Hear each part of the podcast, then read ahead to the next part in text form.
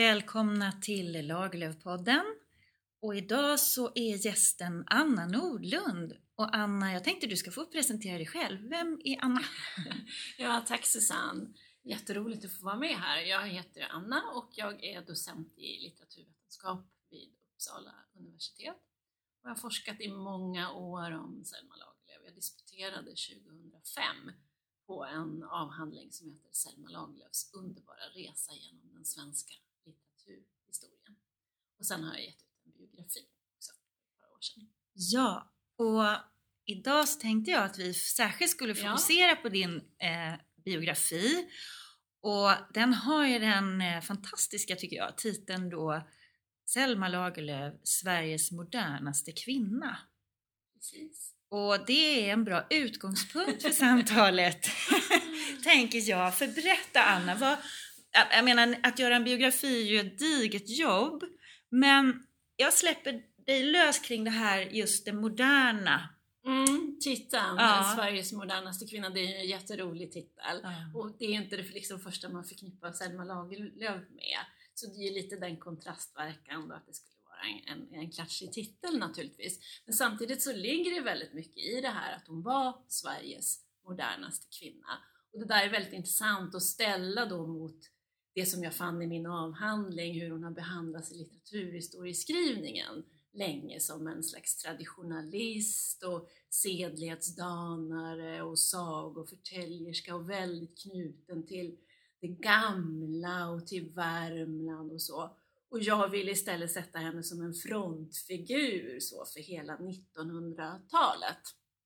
Och lyfter fram modernitetsutvecklingen också då i Sverige under den här tiden. För att hon föds 1858 och hon dör 1940.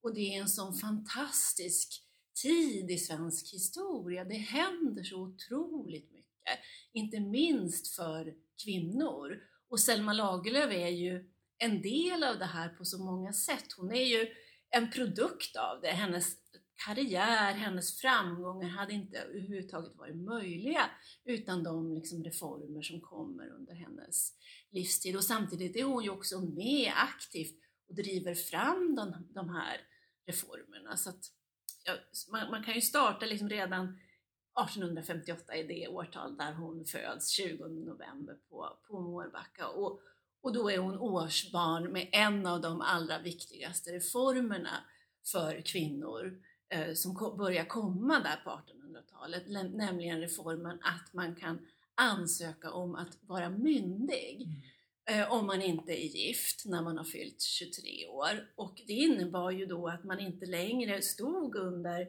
sin brors eller sin pappas förmyndarskap utan man faktiskt var sin egen person.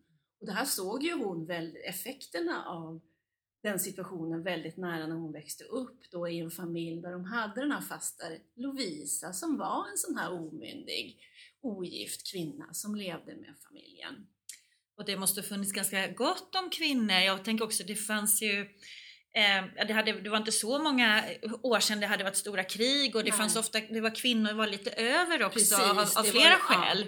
Ja. Inte bara för att man inte blev gift Nej. utan, eh, och jag tänker också då att det kanske faktiskt fanns kvinnor långt tidigare som inte heller ville gifta sig men, men som då hamnade istället i någon slags beroendeskap. Ja. Och tidigare innan den här reformen då var det ju enkeståndet som var det som var eftersträvansvärt om man ville vara sin egen och vara liksom myndig. Men, men, det är alldeles riktigt som du säger att det var ett kvinnoöverskott och det är också med och driver fram de här reformerna. För nästa reform då, det är ju reformen som Selma Lagerlöf också drar väldig nytta av. Att man sakta men säkert börjar släppa in kvinnor på de högre utbildningarna. Och där ju då högre lärarinneseminariet blir otroligt betydelsefullt för Selma Lagerlöf och för en mängd andra kvinnor också i hennes generation. Det är verkligen en plantskola för intellektuella kvinnor och för kvinnliga.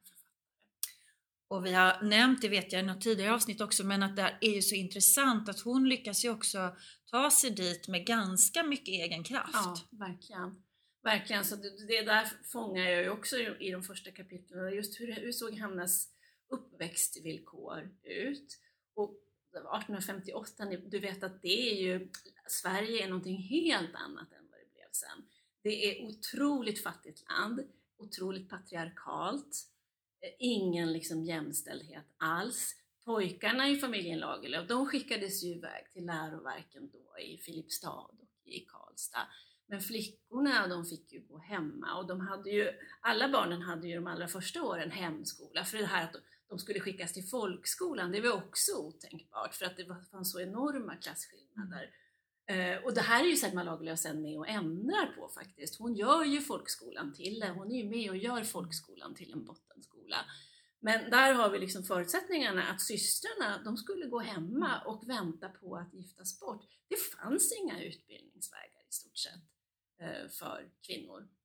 Och då blir ju Selma, hon börjar ju skriva dikter och man ser att hon är begåvad och hon skriver på den här tiden i den här herrgårdskulturen så, så var det vanligt vid större festligheter att man skulle skriva dikter, eh, tillfällesdikter för de här olika festerna. Och hon blir lite känd för att vara duktig på det.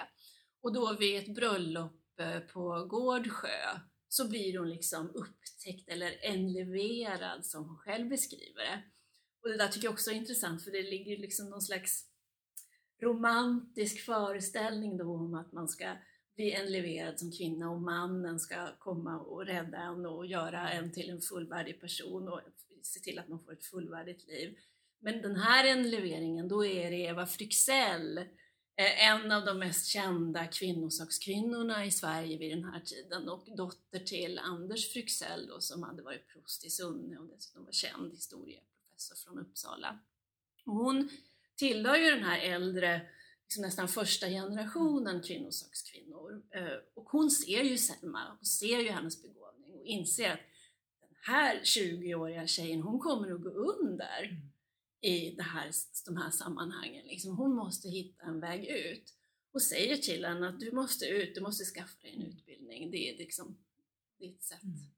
att ta dig vidare och tipsar henne om just högre lärarinneseminariet och jag, om jag inte minns fel nu så har jag också en känsla av att det, det pyser lite i de brev som finns ja, från verkligen. ungdomen, att hon är frustrerad ja. och det var också en slags nedgång på Mårbacka ja, och pappan var, var, dålig och så, så det fanns ju liksom flera element som gjorde att hon nästan inte stod ut. Ja, nej men det här är en svår tid i hennes liv. Jag brukar beskriva det som att jag tror att, jag tror att mycket av Selma Lagerlöfs självförtroende ligger i att hon hade en väldigt lycklig tidig barndom. Det fanns en trygghet i familjen, de hade den här lekfulla pappan pappan. Eh, de, ja, de lekte mycket, de lekte också mycket med litteratur och sjöng och spelade och satte upp teater och sådär. Och hon hade också den här vistelsetiden i Stockholm i, i, först i 9-10 och sen i de tidiga tonåren. Men sen är det precis som du säger, det blir en, nedgång, det blir en nedgångsperiod ekonomiskt för hela Sverige, för, särskilt för Värmland, Värmland och de här små mindre järnbruken. Det blir en nedgångsperiod för, i familjen därför att Eh, Selmas morfar som var förmögen, han dör och kan inte längre liksom supporta familjen. Och eh, dessutom så dör ju hennes stora syster som då har gift sig bara några år tidigare och, fick en liten dotter. Men både dottern och eh, stora syster Anna dör. Och det är ju en otroligt smärtsam sorg i familjen som de heller inte riktigt kan artikulera sådär som man, förstår man av breven. Eh, och ehm, de har inte längre någon guvernant utan det är, då, det är då Selma som ska fungera som någon slags guvernant för sin lilla syster Gerda.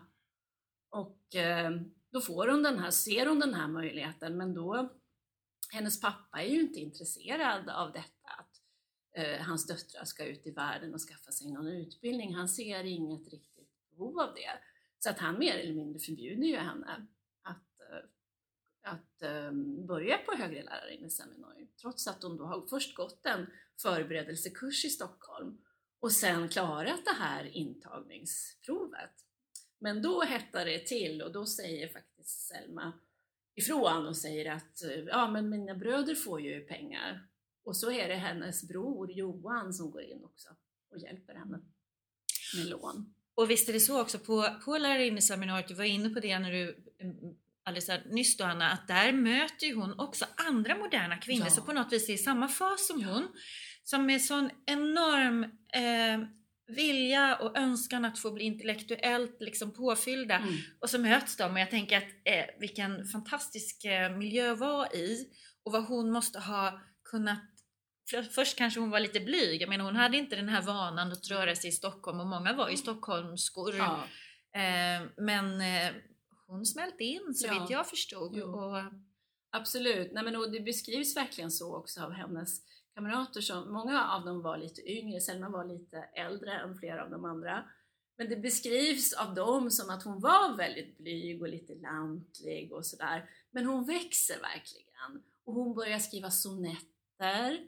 Hon skriver sonetter om alla sina kamrater och hon börjar skriva sonetter om lärarna och av de här sonetterna så förstår man ju att det var en väldigt stimulerande miljö och de pratade mycket och det var också, tror jag, alltså rätt mycket så erotiska attraktioner i luften, både mellan de här flickorna men också mellan liksom lärarna och flickorna. Lärarna som då var kanske i 30-40 års åldern och så de här unga flickorna. Och de hade framförallt en lärare i religion eh, lektor Kaiser som också lät dem läsa väldigt mycket av den här moderna litteraturen. De läste mycket Strin, eh, Eh, Ibsen och även Strindberg.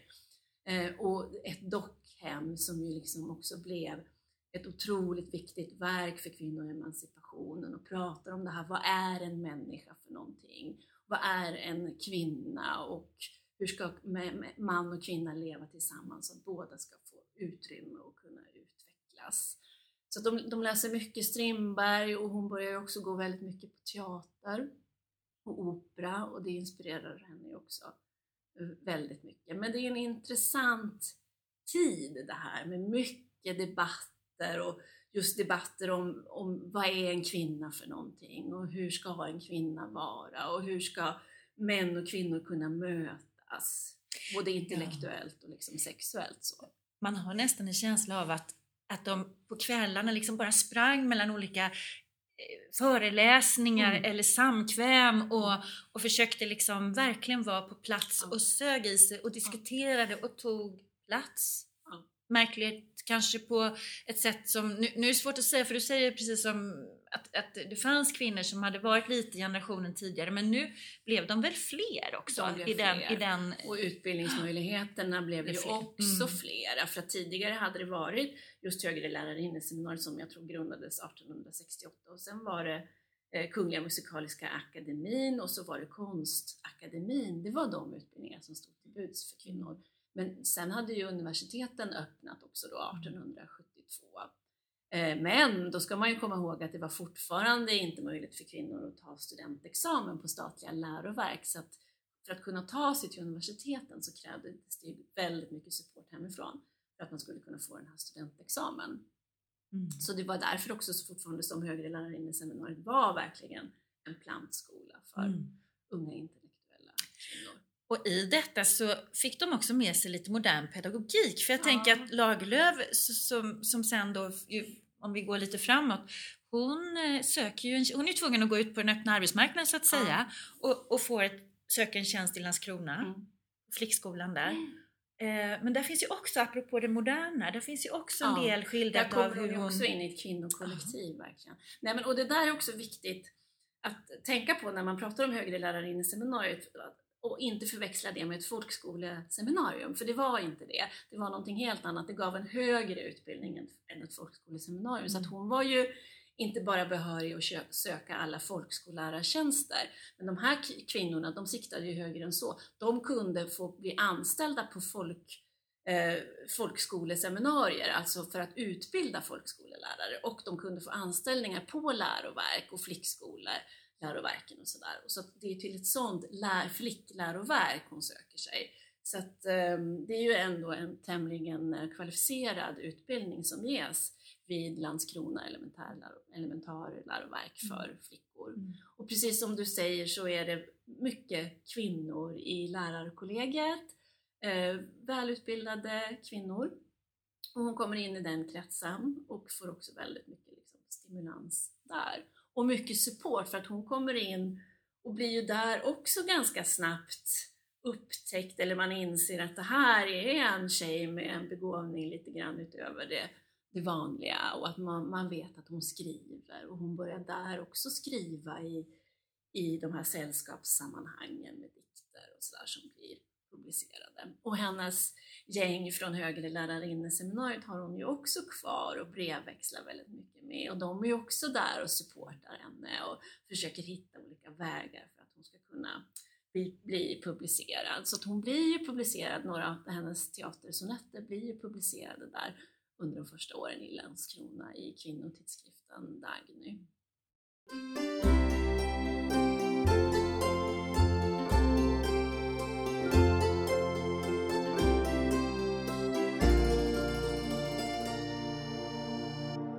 Ja, det är fantastiskt också det här med att hon eh, jag menar det är slumpen som avgör så mycket ibland. Jag menar med mm. Lagerlöf finns det ju en otrolig kapacitet också. Men hon får ett arbete i Landskrona som ligger så nära Köpenhamn ja. och där går den lilla färjan över ja, och, och där ligger liksom det moderna Europa nästan, ja. porten till det moderna Europa. Precis. Och där går ju också, tänker jag, att berätta, ja. för där knöts det ju, jag vet inte hur snabbt det gick, men jag vet ju att hon var över och, och läste högt och var på läseföreningar i Köpenhamn och så.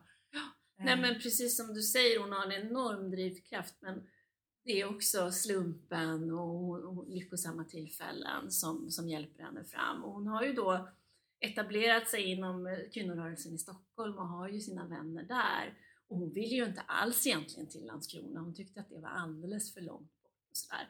Men då, precis som du säger, då får hon hela Köpenhamn, hela tillgången till Köpenhamn. Och där etablerar hon sig ju också då snabbt. Sen, och särskilt efter att hon har eh, slagit igenom då med Gösta Berlings saga så blir hon ju högintressant i, i Köpenhamn och bland den, dans, bland den danska kvinnorörelsen. Och den danska och den svenska, eller kvinnorörelsen i Köpenhamn och kvinnorörelsen i Stockholm skiljer sig också lite åt i den här tiden. För att kvinnorna som hon har lärt känna i Stockholm, de är äldre och mer konservativa och i den här sedlighetsdebatten och så, så har de också varit mer konservativa. Medan i Köpenhamn så, så finns det lite mer radikalitet och framförallt radikalitet i förhållande till vilken litteratur och sådär som är, är intressant. Så det var portar som öppnade sig ja. um, och och en inspiration naturligtvis ja, också. Ja, jag att, menar det. Att få liksom ha tillgång till en sån här kosmopolit och där stad. fortsätter, jag tänker där teatrar, där, är, ja. eh, där finns Georg Brandes som mm. hade otroligt inflytande i, i sin samtid. Um, vi kanske bara för lyssnarnas skull ska säga att det var ju ändå det var några slitsamma år först på skolan mm. och hon hade mamma boende hos sig i perioder mm. och faster också. Mm. Eh, Mårbacka var sålt. Men, eh, och samtidigt parerar hon och, och, och, hon skriver själv på kvällar och nätter men hon har också en heltidstjänst. Ja.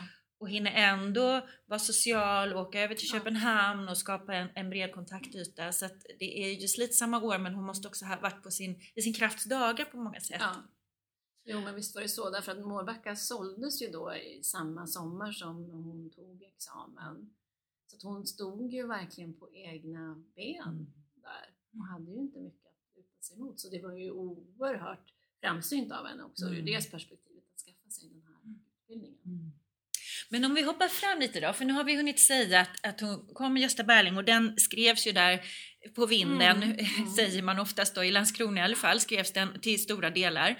Och så skickade hon in och vann det här priset som gjorde att hon fick lite stipendium och kunde ta deltidstjänstledigt. Eller om hon var, jag minns inte riktigt ja, hur det var hon där. var helt ledig då. Ja, det var hon ett tag. Ja. Det är en följetongstävling i en damtidning som heter Idun och det är hennes lilla syster Gerda som eh, pushar på där och vill att hon ska skicka in till den här följetongstävlingen medan hennes mentor i Stockholm, Sofia Adelsberg, är väl mindre förtjust för hon tycker att det är lite simpelt sammanhang och, och debutera i så. Men hon vinner ju storslaget och Fritiof Hellberg är ju en otroligt strategisk mediaperson vid den här tiden och han har startat den här damtidningen så han inser ju att han ska lansera den här nya unga författaren. Så att han ger ut en liten presentupplaga som han skickar runt till recensenterna och det är de fem, fem kapitel ur Gösta Berlings saga som ingår i den här presentupplagan. Så hon debuterar liksom två gånger kan man säga och får väldigt mycket uppmärksamhet båda gångerna. De stora kritikerna skriver om det här, den här presentupplagan. Och i och med att hon vinner då så får hon eh, ett pris, 500 kronor och sen så samlar också Sofia Adelsberg via Fredrika Bremer-förbundet in pengar så att hon får ett stipendium och kan ta tjänstledigt. Och då fungerade det på det sättet att hon fick, hon fick betala lön till sin ersättare. Så att hon anställde en kan man säga istället för att hon själv skulle undervisa. Och sen så har hon sin väninna Gunla Gumelius som bor på ett litet gods i Sörmland, ganska nära Stockholm. Det har varit hennes teatervän i Stockholm. Det var de två som gick på, teater tillsammans. Och hon är gift och lever i ett lyckligt äktenskap. Så att där bor Selma. Det är där hon sitter och skriver klart Gösta Berlings saga. Också då i närheten igen av, av Stockholm och har liksom Stockholm igen och kan följa också mottagandet av presentupplagan. Väldigt rolig tid. Ja, Jo, det var en väldigt rolig tid ja. för henne tror jag. Det tror jag. Samtidigt som hon ju blev lite besviken på, på mottagandet, som i och för sig inte alls är, är enbart negativ, verkligen inte, utan hon blir ju uppmärksammad som en ny röst. Och, och Oskar Levertin som är den stora kritiken vid den här tiden och som står för det nydanande i litteraturen och vill göra den här brytningen med realismen och naturalismen och så. Han är ju alldeles betagen i det här nya verket och skriver ett underbart brev till Heidenstam eh, som jag tar som utgångspunkt i min avhandling också för att liksom beskriva sen hur hon tas emot. För han är så otroligt ambivalent. Han kan liksom inte riktigt hantera det här. Att en tjej har gjort det här fantastiska, skrivit i den Heidenstamska levertinska estetiken, det första verket, kommer från den här tjejen i marginalen och han är såhär, men hur har det här gått till? Hon, har ju, hon sitter ju där helt isolerad, en liten, liten lärarinna i provinsen. Och redan där kommer då den här föreställningen om att ja, men det här är ingenting som hon har gjort medvetet skapande, utan det här är någonting som bara väller fram inom den här så småningom då stora sagoförtäljerskan och sierskan som hon blir betraktad som. Mm. För det fanns ju också vid den här tiden någon slags föreställning om att kvinnor inte kunde vara nyskapande och medvetna och moderna och att deras hjärnor liksom inte hade den kapaciteten. Så att i mottagandet blir det väldigt viktigt att understryka detta att visserligen är det originellt men det är ändå inte liksom riktigt Lagerlöf som står för det här originella. Och man tycker också att hon har en för stark röst och det är för stor, lite för storvulet och sådär. För man känner inte igen sig. Man har aldrig sett en kvinna skapa ett sånt här verk som Gösta Berlings saga är. Nej, hon damp ju ner på något vis i litteraturen med, som du säger, en helt egen röst. Ja. Och eh, det är klart att, att det blev svårt då. Var ska vi placera henne? Ja, det måste ju varit det som mm. alla mänskliga hjärnor är, lite sådär fyrkantiga, ja. att vi gärna vill kunna placera och så kommer hon som ett wild card som ja. man skulle säga. Och, nej, men, och det ser man att det är också ett stort problem mm. för recensenterna. Ja, och, och, och liksom förpacka henne på något vis. Ja. Um, hon blir ju besviken ja. därför att hon känner ju på sig att hon har skrivit någonting enormt som ingen annan har gjort förut. Hon skriver det också i, sin, i sina brev i den här tiden att jag trotsar alla att göra efter detta. Liksom. Hon, hon, hon är så full av självförtroende och lite grann så plockas, ju, plockas hon ju ner lite grann av det här mottagandet och, och blir lite ängsligare. Lite vingklippt eller är det ett starkt ja, ord? Nej, det har ju Lisbeth Stenberg velat lyfta fram, att mm. hon blev vingklippt, mm. att hon går i en liten annan riktning sen. Och det är både Warburg som var en stor recensent och Brandes antyder att ja, men hon borde ta sig an mindre ämne, en man, en kvinna, ett barn och sådär. Mm. Eh, och, och, hon, går, hon, börjar, hon skriver ju då under en period efter Gösta Berlings saga väldigt mycket noveller, mm. kortare berättelser. Mm. Men det har ju inte bara med det här att göra, det har ju också med, med försörjningssituationen att göra. Eh, det hade vid den här tiden också exploderat av jultidskrifter och andra sorters veckotidningar och tidskrifter som hade ett väldigt sug efter berättelser och det betalade sig bra. Ja, apropå det moderna och att hon är lite parallell med den svenska utvecklingen ja. där så, så, så är det också till gagn för henne i den här situationen att, att få iväg lite mindre berättelser, få ändå någon slags okej betalt för det. Mm. Och det finns plötsligt också läsare på ett sätt som kanske inte ja. fanns om man bara backar 30 år tillbaka i, i tiden mm. i hennes samtid. Ja, nej, precis, för de här familjetidskrifterna hade ju många läsare och nya läsare och, och han fick stora upplagor. Och dessutom så eh, redan här, alltså, för idag är det ju så självklart för författare att man skapar fiktion och så säljer man vidare det i olika mediesammanhang. Sådär. Men det börjar ju växa fram redan under den här tiden och där är ju Selma Lagerlöf också en föregångare i det att hon så snabbt inser att hon kan återanvända saker. Att hon kan få betalt i en tidskrift och sen kan hon samla på sig de här berättelserna och så kan hon ge ut en novellsamling och det blir ju mycket riktigt också hennes andra bok blir ju novellsamlingen som heter Osynliga länkar och sen fortsätter det ju så med, re, med regelbundenhet att hon kommer ut med, med berättelsesamlingar och novellsamlingar. Och det är ju nästan alltid så då att allt utom kanske en eller två berättelser har publicerat tidigare i de här samlingarna.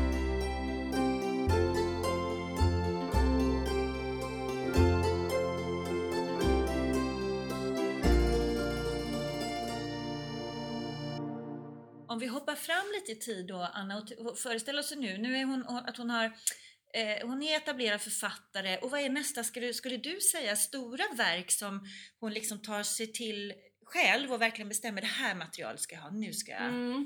Jo men där hon känner att nu måste jag göra en ny satsning och visa förnyelse också och göra någonting delvis annorlunda. Det är ju Antikrismirakler som blir hennes andra roman och som är mera faktiskt också av en roman Eh, och som ändå har lite av det här att det handlar om ett begränsat antal personer eh, och deras relationer och så. Men, och sen också det att hon kommer ut i världen, för Antikrismirakler utspelar sig ju på Sicilien och det är också mycket mer av en idéroman.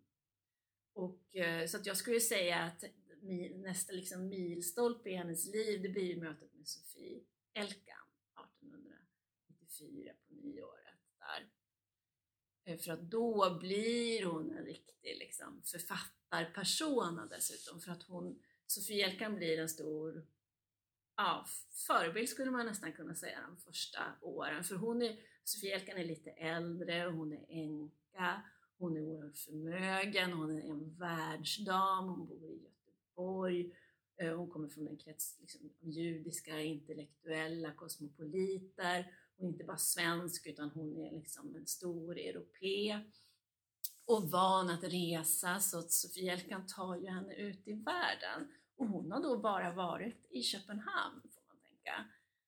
Och de ger sig iväg då på den första resan med Italien som mål. Men det är ju en lång resa. På den tiden man åkte tåg och det var ju många uppehåll på vägen.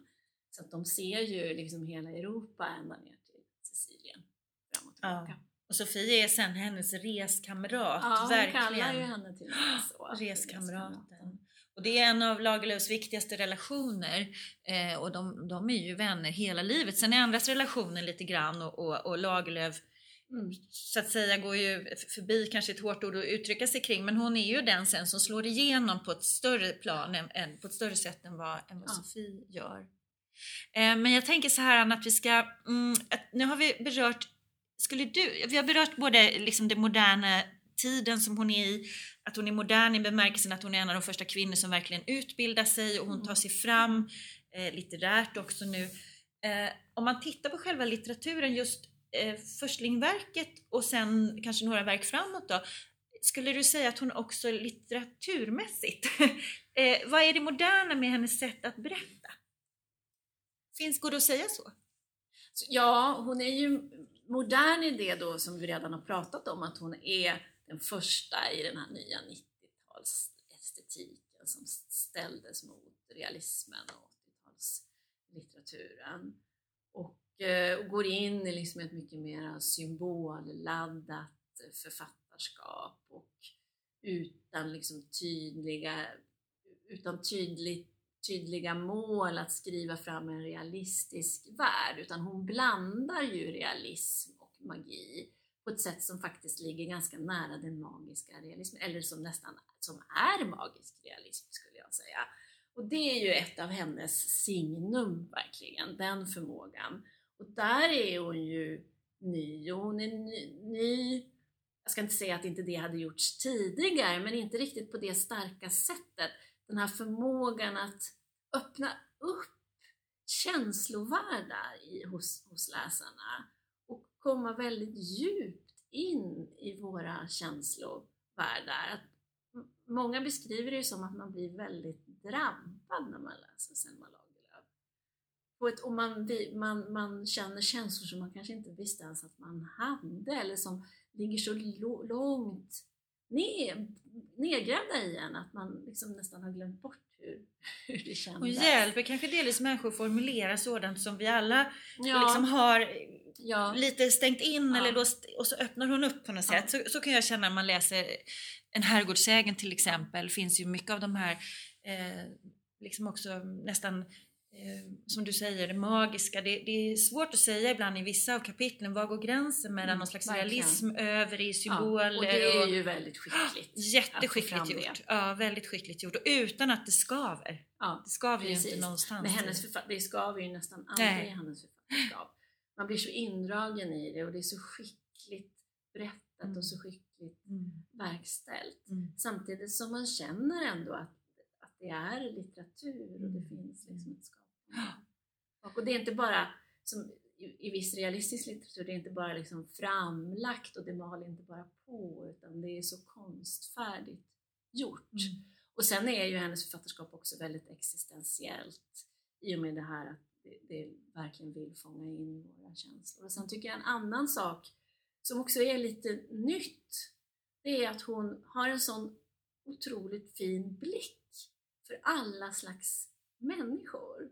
Hon skriver verkligen om både högt och lågt. Hon är inte rädd för att skriva om dårar, de allra fattigaste, de utslagna, alkoholisten David Holm till exempel. Eller för att ta Jerusalem, de här, de här bönderna och den världen som knappt hade varit skildrad tidigare i svensk litteratur. Men det är som alla samhällsklasser kommer till tals på lika ja, villkor. på lika villkor, mm. precis. Det är mm. det som är så viktigt. Hon ser människan hos alla. Hon ser liksom bakom allt det här andra som vi är och visar upp, så ser hon liksom rätt in i människan. Hon har en sån seende blick. Och det där är ju någonting som jag också tycker att hon, hon tematiserar för sig själv och för oss läsare också väldigt tydligt i sin tredje roman då, En herrgårdssägen, som handlar mycket om den seende blicken och den här flickan Ingrid som är blindförerska och som, ska, som ser Getabocken som då har varit tidigare student som hon eh, mötte som barn och ung, och ung flicka och där det liksom finns en, en erotisk laddning och en spänning. Och hon ser den här studenten bakom den här vansinniga Getabocken och hon hjälper honom tillbaka eh, till livet. Och det där är också en väldigt intressant eh, kvinna-man-relation. Det här med musan och hur, och hur hon talar om för honom att han, han ska spela sig liksom tillbaka till livet. Och det kommer att vara svårt, han måste gå igenom, det är som en, nästan som en slags psykoanalytisk process han ska igenom. Och han vägrar, han vill inte, han vill stanna kvar i det här trygga dårskapet där han befinner sig. Och då blir hon vansinnigt arg på honom och säger att ja, du är ingen riktig man, du är ingen riktig människa. Mm. Och sen så fångar hon in honom. Ja, Anna, det här är så himla intressant tycker jag med Lagerlöfs skildring av relation man och kvinna. Hon, har ju så, hon är väldigt duktig på relationer generellt, också det här med olika generationer. Mm. Men just man och kvinna Eh, har du fler där? För, för det ser ganska olika ut i olika verk, hur hon, hur hon laborerar med ja, det där. Framför, jag tycker man kan se en spännande utveckling på något vis, därför att många av hennes hjältinnor, som Ingrid i En herrgårdsägen, eh, vill ju liksom rädda mannen från, från sig själv nästan på något vis. Genom att göra mannen mera jämställd med kvinnan och komma ner och bli en människa och inte känna sig, att, känna sig så himla upphöjd hela tiden i förhållande till kvinnan. Och där, det, där det där tycker jag är jätteintressant därför att i mycket litteratur så har ju kvinnan haft rollen av att vara någon slags förstorande spegel för mannen och man pratar om och överhuvudtaget i kulturen att kvinnan ska vara musan och sådär och, och mannen ser då sig själv liksom dubbel storlek på något vis som en slags kult, upphöjd kulturman. Men Lagerlöf vill ju få ner mannen på kvinnans nivå och kvinnan ska liksom hjälpa honom med det. Och det där börjar redan med, med kvinnorna i Gösta Berlings saga egentligen och Elisabeth Dona som säger till Gösta Berling att du ska inte tro att du är sänd av Gud. En var tar vara det. Alltså alla är vi sända av Gud, du är inte speciell på något vis utan du är precis som vi andra. Och det här vi pratade om tidigare också, hennes förmåga att se att vi alla är människor.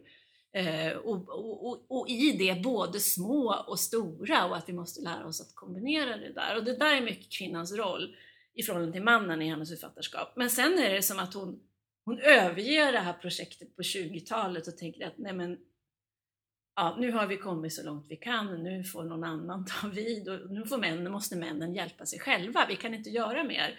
Och då får vi den här Karl Arthur Ekenstedt som på sätt och vis är en spegelbild av Gösta Berling men som bara är en tom demagog som inte har någonting att bidra med och något innehåll utan bara förstör eh, sina relationer. Först med Charlotte Löwensköld och sen med, med Anna, Anna Svärd som han gifter sig med.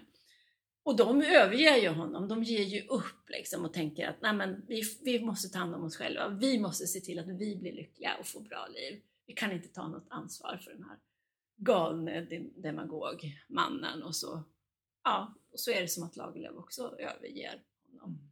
Det här tycker jag är en intressant utveckling. Ja, och hon är ju intresserad av detta med, med hierarkier på olika sätt och människors utveckling men också kanske då att, att hon tillåter faktiskt vissa individer att stagnera. Mm. Och vad gör då kvinnorna som du säger i just de här verken? Så, nej, låt mm. honom vara. Nu, nu, får han, får han, nu får det gå som det går.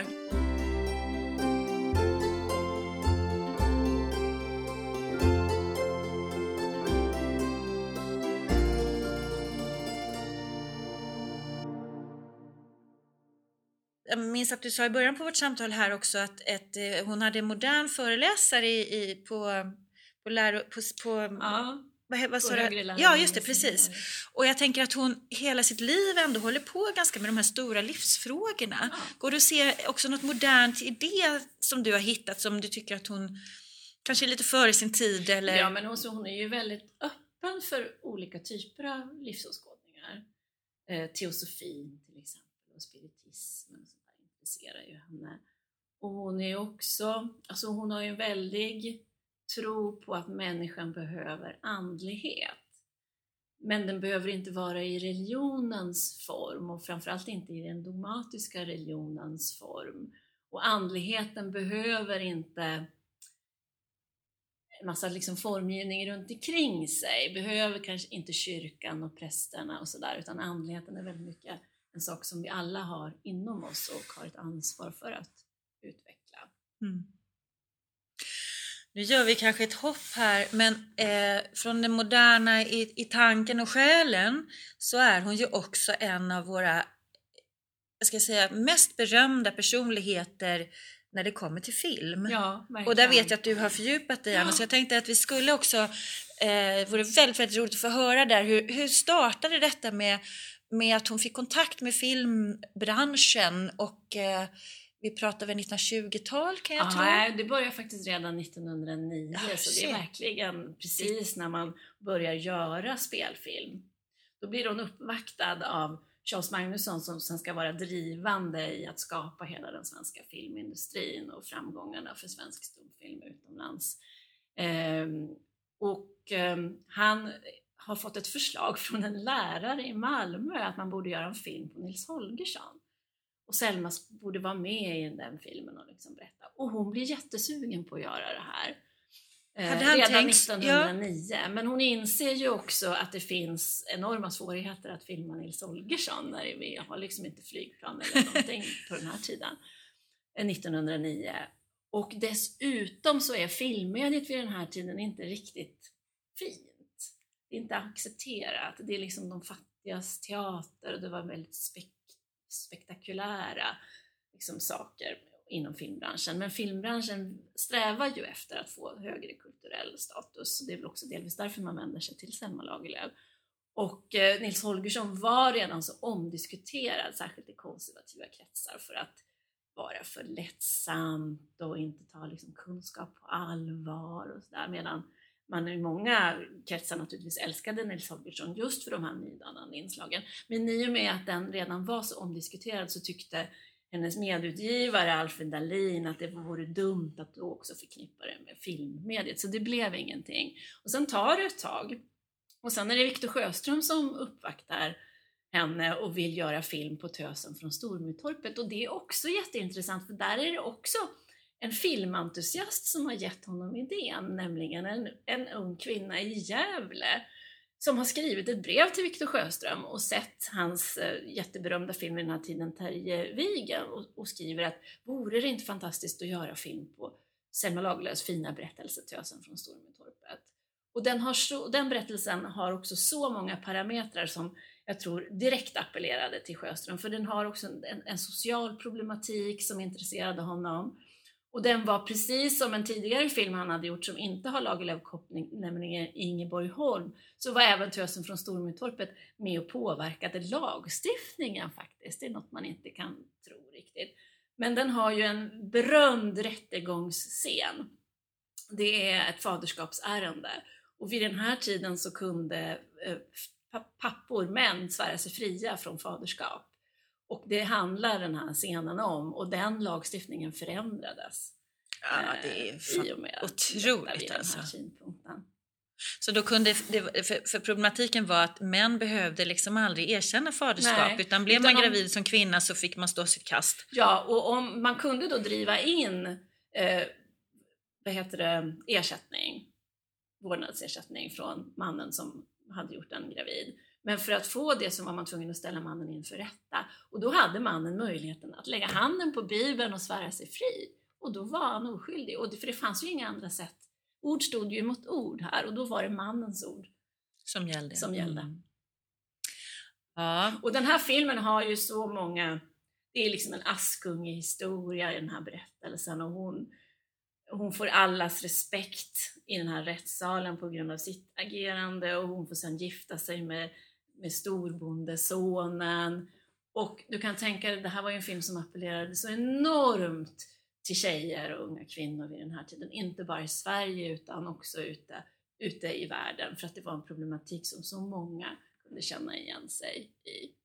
Hur nära var Lagerlöf eh, i manusarbete och eh, med mm. oavsett regissör, jag tänker även längre fram, eller ändrade det sig beroende på ja, vilken personlighet var, det var? Hon var delvis involverad och framförallt så var Viktor Sjöström noga med att liksom involvera henne och få hennes godkännande så att han åker ju upp då till Falun där de bor vid den här tiden och läser upp manuset för Tösen från Stormytorpet eh, och får hennes godkännande så att säga och hon eh, ja, hon, hon, hon, förhandlar med henne och kontrakt och sådär. Och sen blir, går den här filmen blir en jättesuccé så då gör han ju en ny förhandling. Och där är hon ju också, visar hon sig också som en så stor affärskvinna för då är hon ju helt på det klara med att hon kan få upp mycket, mycket mer än vad hon fick från Tösen från Storbytorpet som förhandlar upp det här och får ett kontrakt där man ska göra en lag eller film om året i fem år och så blir det. Just också. med honom? Nej, med, med, med Svenska Bio ja, som, är som han liksom representerar där. Som ja, han representerar. Ja. Så det är inte bara Sjöström utan även Stiller och Ivan Hedqvist kommer in och gör filmen. Men eh, Körkören, där har de också ett nära samarbete och där är det faktiskt Lagerlöf som hjälper Sjöström att få till manuset med de här olika berättelsenivåerna så att det ska bli lite mer variation i själva berättandet i filmen. För det är en väldigt komplext berättad eh, film för att vara från den tiden. Får du en känsla när du tittade på det här och forskade i det att, att hon var road? Tyckte hon att det ja, var roligt? Ja, det tyckte hon. Hon tyckte det här var jättespännande.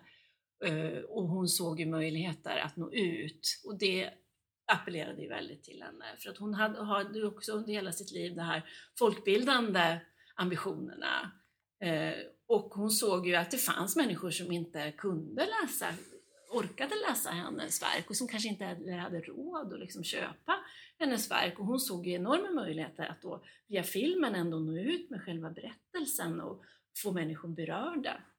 Jag tänker också att hon ju i sitt liv hade, i alla fall hur hon startar hela sitt sätt att tänka berättelse, det kommer mm. ju ofta via teatern också. Ja.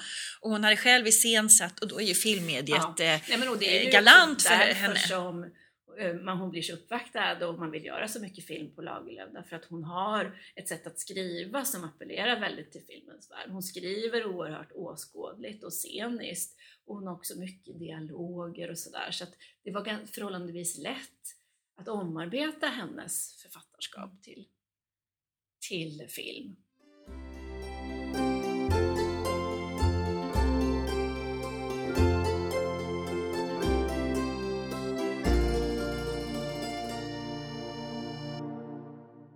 Skulle vilja avrunda Anna med att också nämna att i din fina biografi så är det ju ett så rikt eh, omfång av fotografier ja. och inte minst kopplade till filmen. Ja. Men skulle du bara vilja berätta lite, eh, hur kom du över, jag menar en del foton har man sett tidigare men det är också väldigt mycket som är nytt i den. Ja. Jo, hur kom det sig? Idén bakom hela boken det var ju just att göra en bok, en stor fin liksom coffee table-bok med mycket bilder.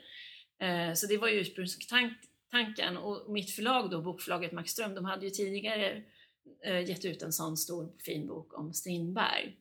Och när jag såg den så tyckte jag att ja, men om det finns en sån här fin bok om Strindberg så borde det också finnas en om Lagerlöf och det tyckte också mitt förlag. Och då var det samma bildredaktör som blev inkopplad att jobba med mig som hade tidigare jobbat med Björn Mejdal och gjort den här fina Strindbergsboken, Bengt Vanselius.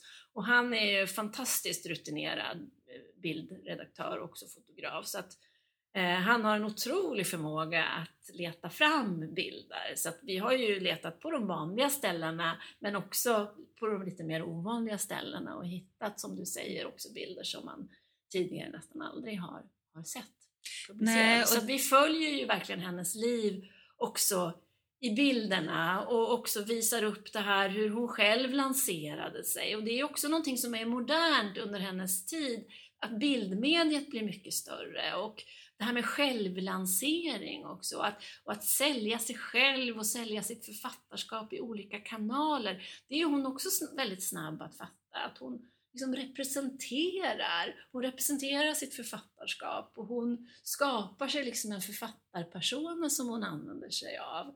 Och det kan man ju också följa på bilderna. Och kläder blir viktigt och hur hon, ja, men hennes framtoning blir viktigt. Och det, det ser man i många av de här porträttbilderna som vi har. Men sen försöker, har vi också i bildurvalet försökt följa alltså, dels Selma Lagerlöfs miljöer och där hon vistades och hennes hem och så där finns det väldigt mycket bilder på också. Men också det här med Sveriges utveckling lite grann och stora liksom, politiska skeenden och så som, som var med och påverkade henne och som hon skriver om i brev och sådär. Ja, man följer ju också tekniken. Ja, ja. Man kan se att hon följde med sin tekniska värld, eller hur, världen ja. omkring och tekniken som kom där. Filmen har vi redan nämnt, men hon var också tidig med både telefon och radio. och i radiomediet var hon ju populär som, som eh, både talare och läste själv ja, hon använde sig av radion, det kommer hon ju också på. Radion är ett sätt också att nå ut. Så mm när hon ska tacka för alla uppvaktningar vid 80-årsfirandet eh, så, så liksom går, går hon till radion och vänder sig till hela svenska folket med ett stort tack och farväl, nästan så, tal till svenska folket. Och hon talar också till, till svenskar i, i USA via radion eh, i ett tal. Mm.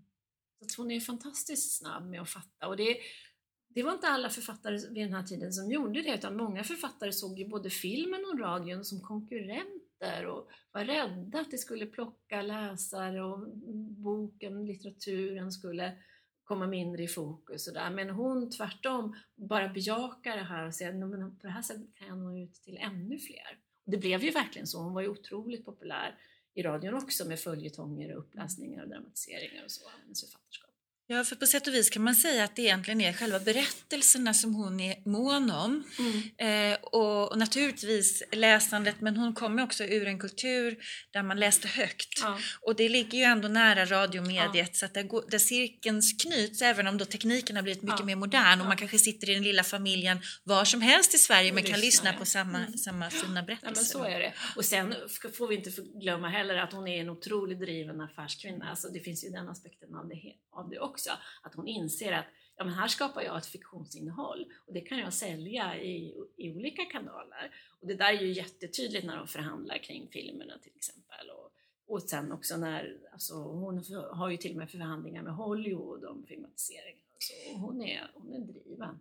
Och det var nog lite tur. Jag tänker hon hade Mårbacka som var hennes, hennes hjärtesten och också kostade. Det kostade ja, och hon, hon sponsrar kan man nästan säga bygden i mm. bemärkelsen. Hon hade väldigt många anställda som hon tog väl hand om mm. så att eh, de här pengarna förvaltades väl och, och kom in hon, i någonting som... Hon drar in enorma summor mm. under 20-talet, inte minst på filmatiseringarna. Men det rinner ju iväg också pengar mm. i ombyggnationen av mm. Mårbacka och som du säger att hålla hela denna verksamhet igång för den är inte på något sätt eh, självförsörjande så. Det är ju, jordbruket betalar sig liksom inte. Mm. Utan det är författarskapet mm. som gör att det går runt. Mm. Anna, vi ska avrunda där. Tusen tack för att du tog dig tack tid. Tack själv Susanne, det var jätteroligt ja. att prata lagerlämning. Det kanske blir fler tillfällen tänker jag.